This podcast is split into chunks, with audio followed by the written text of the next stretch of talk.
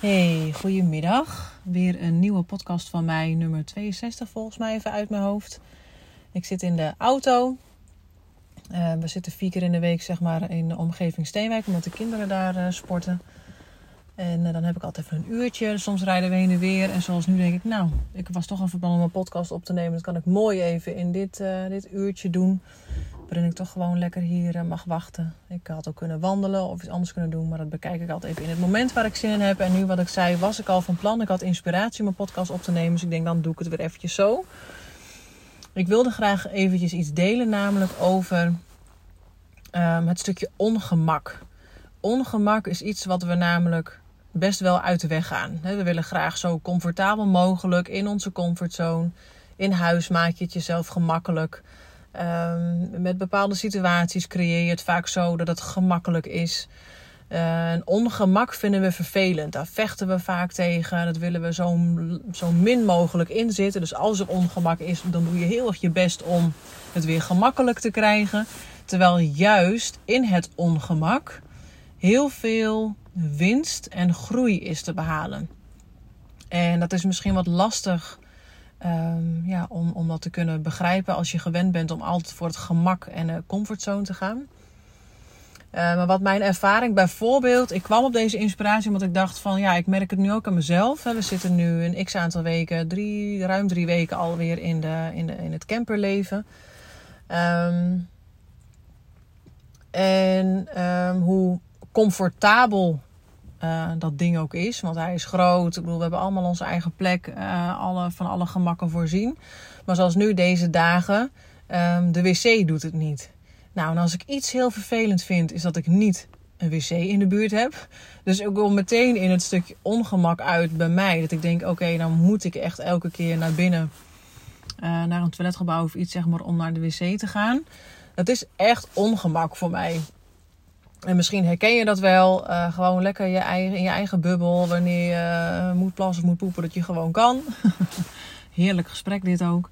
Um, maar je kan je, dit is even een voorbeeld. Hè? Iedereen heeft natuurlijk zijn eigen dingetjes. Wat gemakkelijk of ongemakkelijk zeg maar, voor iemand is. En ik haal nu even dit voorbeeld aan als inspiratie. Zodat je ook snapt wat ik bedoel. Um, dus je merkt meteen, en ik zei tegen Maarten toen ook van... Eigenlijk zijn we natuurlijk super soort van verwend opgevoed. Hè? We hebben een huis gekend, eh, een huis met alle gemakken voorzien. Als je de kraan opendraait, komt er water uit. Als je wil koken, dan, dan, dan doet het dat allemaal. Je doet de koelkast open, er ligt eten voor je klaar. Je hoeft weinig moeite te doen om dat voor elkaar te krijgen waar je op dat moment behoefte aan hebt. Dus moet je eten, kun je eten. Moet je poepen, moet je poepen. Moet je plassen, kun je plassen. Wil je slapen, heb je een bed. Wil je zitten, heb je een bank. Wil je even uh, stom tv kijken, doe je de tv aan. Alles doet het hè, in je omgeving. Nu wij natuurlijk nu in die camper leven, kom je er heel erg achter um, dat je voor veel dingen moeite moet doen. Wat natuurlijk helemaal niet erg is, maar omdat je gewend bent dat alles maar draait, is er toch even een shift zeg maar in van, oh, je wordt zo bewust. En het wisten we natuurlijk wel hè, dat het zo zou gaan werken, maar het is wel een hele interessante om te kijken bij jezelf van wat gebeurt er als ik dus uit die comfortzone kun je het noemen, of maar ook gewoon je comfortabele plekken Um, hoe je omgaat met het ongemak, met het oncomfortabele. En het is zo gaaf als je daar nieuwsgierig naar, gaan, naar kan gaan kijken. Um, wat je haalt uit um, het comfortabel zijn met het oncomfortabele. Dus mijn ding bijvoorbeeld ook dat ik nu niet zeg maar in de camper naar de wc kan, leer ik wel van. Het komt ook wel goed als ik de wc niet in de buurt heb. Um, het is helemaal prima om eerst door de natuur te lopen en bij een wc uit te komen. Dus je gaat heel anders kijken. Maar als jij altijd op dezelfde plek, op dezelfde comfortzone, met dezelfde faciliteiten zit, dan weet je op een gegeven moment niet beter. He, wat ik laatst bijvoorbeeld ook al in de podcast had gedeeld, die ik hiervoor had opgenomen over van huis naar camper, is dat we natuurlijk ook al een situatie hebben gehad waarin ik al helemaal met mijn kleren uit klaar stond na een drukke dag. Om dan kan ik eindelijk even lekker douchen. Dat de watertank leeg was. Um, gisteren kwamen we thuis na een lange dag. En denk ik, oh, ga ik nu lekker eten koken? Toen deed mijn gas het niet meer. Als het gas uh, gebeuren leeg moest vervangen worden. Het is allemaal niet zo vanzelfsprekend, zeg maar. En dat is, daar kunnen wij goed mee omgaan, uh, moet ik zeggen. We zijn daar veerkrachtig in en creatief. We kunnen erom lachen. Dus in die zin is het ook helemaal prima. Ehm, maar je merkt inderdaad dat het interessant is van hoe ga je daarmee om. En het maakte namelijk meteen een gesprek ook los bij Maarten en mij. Dat we, ook, we hadden het bijvoorbeeld ook over de kinderen. De reacties namelijk die we veelal hebben gekregen uh, toen wij zeiden dat we dit gingen doen, was: Oh, maar kun je de kinderen dat wel aandoen? Hebben ze dan hun eigen plek wel? Is de ruimte niet te klein? Waar is dat op gebaseerd? Op natuurlijk dat mensen het comfortabel willen hebben. Ze willen dat kinderen een comfortabele plek hebben. Ze willen dat kinderen op hun gemak moeten zijn. Ze willen dat kinderen privacy hebben. Ze willen dat je zelf privacy hebt. Ze willen dat je, weet ik veel wat er allemaal nog onderweg zit. Er is altijd een reden voor waarom iemand zegt wat hij zegt. Maar ik zei ook, doe je je kinderen, daar had ik het met Maarten vanmorgen over. Ik zeg, waar doe je je kinderen eigenlijk meer een plezier mee? Dat je ze leert om comfortabel te zijn in het oncomfortabele. Dat je ze leert, er is niet zo heel veel vanzelfsprekend. Je zal voor gas moeten zorgen als jij wil koken. Je zal voor water moeten zorgen als jij wil douchen. Of als jij water wil hebben om uit te drinken of mee te koken.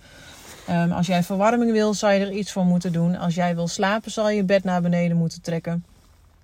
Maar in een huis is alles comfortabel, is alles verwend. Dus de, we hadden daar een gesprek over dat ik ook zei van... maar waar doen we ons kind eigenlijk een plezier mee? Dat we ze leren hoe het is om terug naar de basis te gaan... en dat ze zich ook redden wanneer weet ik veel wat voor crisis er uitbreekt. En ze ook weten hoe je een vuurtje moet stoken, hoe je knopen moet maken, hoe je kan overleven, zeg maar, als bepaalde basisvoorzieningen waar ze aan gewend zijn het opeens niet meer doen.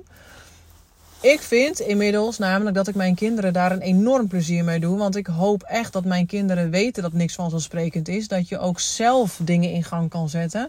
Dat je zelf bereid bent om om te gaan met tegenslagen. Dat je zelf ook weet hoe een gasfornuis werkt. Of een inductieplaat, wat je ook maar in je keuken hebt zitten. Hoe verwarming en waar het eigenlijk vandaan komt. Weet je, als kinderen nooit leren of ervaren hoe dingen tot stand komen. Dan zullen zij zich nooit redden als er iets stuk is. Wat gaan ze dan doen? Als ze later geen uh, luxe huis kunnen betalen Waarbij ze, weet ik, noem maar iets heel extreems, hè, waarbij ze buiten op een vuurtje moeten koken. Dat komt natuurlijk niet voor. Maar ik, geef even als voorbeeld van, en dus in hoeverre is het zielig of is het slecht of wat voor benamingen er ook maar aan zijn gegeven wat wij onze kinderen aandoen. Ik vind oprecht namelijk dat wij onze kinderen daar iets heel moois in meegeven. Uh, nogmaals, dat ze leren om te gaan met veranderingen. Dat ze weten wie ze zelf zijn. Dat je ook van elkaar ziet hoe gaat de ander met strijd om, met stress, et met tegenslagen, klein of groot. Maar vooral ook die basisbehoeften. Jongens, het eten, wat ik ook al tegen mijn kinderen, is niet in een fabriek gemaakt of zo. Hè? Dat komt vanuit de grond. Maar dat leer ik mijn kinderen ook. Weet je, mijn kinderen die denken niet als ze in een supermarkt lopen van, oh, dat groeit hier in de la. Of dat is hier uh, door een robotje of zo uh, in elkaar geflanst. Dat komt ergens vandaan. En hoe meer kinderen, maar ook gewoon jij als mens leert hoe dingen werken, waar komen dingen vandaan, vind ik dat je jezelf iets heel moois meegeeft, zodat je ook redt wanneer het wat moeilijker is. Dat is niet allemaal vanzelfsprekend en dat weet je misschien ook als jij nu luistert en je hebt misschien te maken met ziekte of met thuiszitten of met stress of wat het ook maar is. Het is allemaal niet zo vanzelfsprekend. Iets komt in gang aan de hand van hoe iets is opgebouwd. En als je niet weet wat de aanleiding is, hoe, als je niet weet hoe iets werkt, uh, hoe iets is tot stand is gekomen, kun je het ook niet fixen. Dus eigenlijk uh, sla ik hiermee het bruggetje ook mee weer naar persoonlijke groei. Als jij niet weet waarom je doet wat je doet, dan kan je enorm je best doen. Waardoor je waarschijnlijk op een patroon verder gaat die je ook zover heeft gekregen ga je niks oplossen en ga je uh, altijd weer tegen dezelfde dingen aanlopen. Ga je in dezelfde valkuilen stappen. Ga je weer over je grenzen. Ga je weer tegen hetzelfde aan. Dus het is zo belangrijk om te snappen bij jezelf waarom je doet wat je doet. Want dan kan je hem pas fixen. Ik vergelijk het ook wel eens met een auto. Als een auto het niet doet en je brengt hem naar de automonteur, moet die automonteur ook eerst de klep openen om te kijken wat is er eigenlijk aan de hand. Want dan kan hij pas het onderdeel vervangen of dan kan hij iets toevoegen of hij kan iets sleutelen. Weet ik veel wat die beste man doet. Ik weet het niet, maar daar is hij goed in.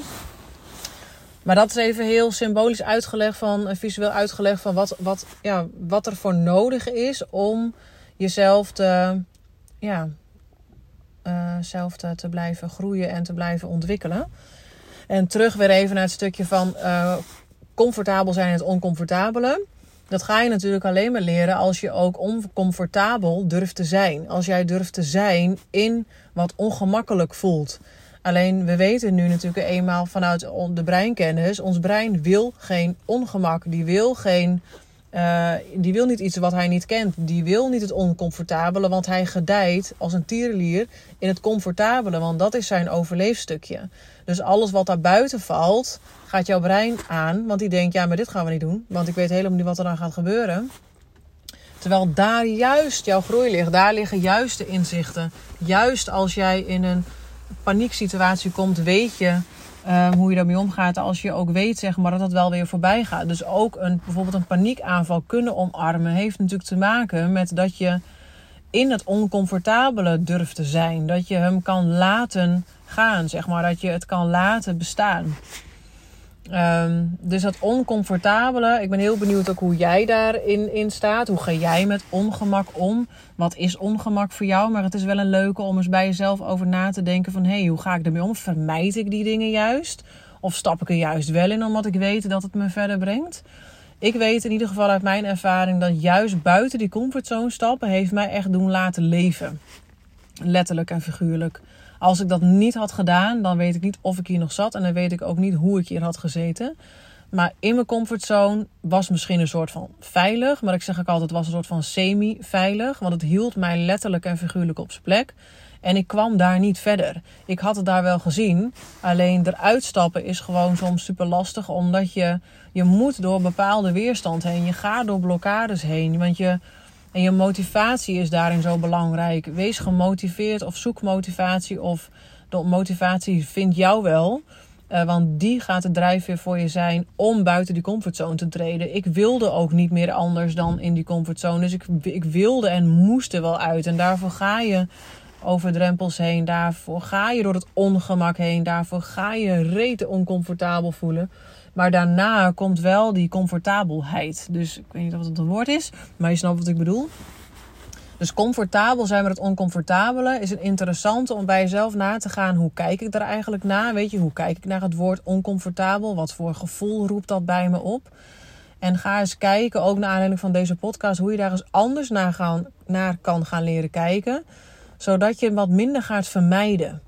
En dat je ongemak wat meer toe kan laten. Want daar leer je dat het ook wel goed komt als jij je ongemakkelijk voelt. Daar leer je dat het ook goed komt, nog wel beter dan goed, als je in oncomfortabele situaties hebt gezeten. Daar ga je anders doen, omdat het anders is. En daar ligt je groei. Als je altijd maar blijft doen wat je altijd hebt gedaan, dan zal je altijd hetzelfde ervaren. Dus als jij hongerig bent naar persoonlijke groei, dan hoort dit er wel bij. Je hoort dan wel de stapjes te durven zetten uh, ja, waarmee je het oncomfortabele op gaat zoeken en kijken hoe, hoe reageert er eigenlijk op? Wat gebeurt er dan eigenlijk met me? Dat is ook wat wij nu hebben van huis naar campen. We zitten er nu een aantal weken in. En hè, dat heel veel mensen ook zeiden: Oh, maar wat als het niet bevalt? Nou, oeh, wat als het niet bevalt? Nou, dan is er geen man overboord. Als iets niet bevalt, wil het niet per, per definitie zeggen dat je uh, dat je meteen helemaal andere dingen moet zetten. Ook daarin ligt weer ook de link naar mensen willen niet oncomfortabel zijn. Ze willen geen ongemak ervaren. Ze willen niet. Oh, maar straks inderdaad heb je, kun je geen huis meer krijgen. Nou ja, weet je, dat zien we dan wel. Ik, ik maak me oprecht niet druk om um, hoe de komende tijd gaat lopen. Ik heb juist heel veel zin in, omdat ik weet dat al die nieuwe dingen, al die nieuwe plekken die we gaan ervaren, alle nieuwe plekken die we gaan ontdekken een andere manier van leven en misschien wel een andere manier van ondernemen. Weet jij even wat er allemaal nog achterweg komt. Die had ik niet ervaren als ik uh, nog op de Erika had gezeten.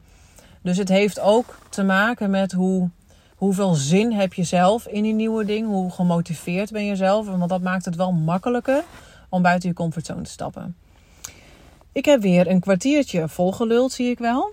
Um, ik hoop dat je er iets van inspiratie uit haalt. Um, ik ben heel benieuwd ook wat. Dus vind je het leuk om dat met mij te delen? Voel je altijd vrij om mij een berichtje te sturen op Instagram, coachvoorjeleven.nl. En uh, mocht je een keer een onderwerp hebben dat je denkt, nou weet je, Ing, daar wil ik je ook wel eens over horen. Hoe ga je daarmee om? Of wil je daar wat meer over vertellen? Mag je ook altijd inzenden. En dan kijk ik zelf altijd even aan de hand van uh, of dat onderwerp goed voelt. Of ik daar momenteel inspiratie over heb om daar ook een podcast over op te nemen. Hey, dankjewel voor het luisteren en tot de volgende keer.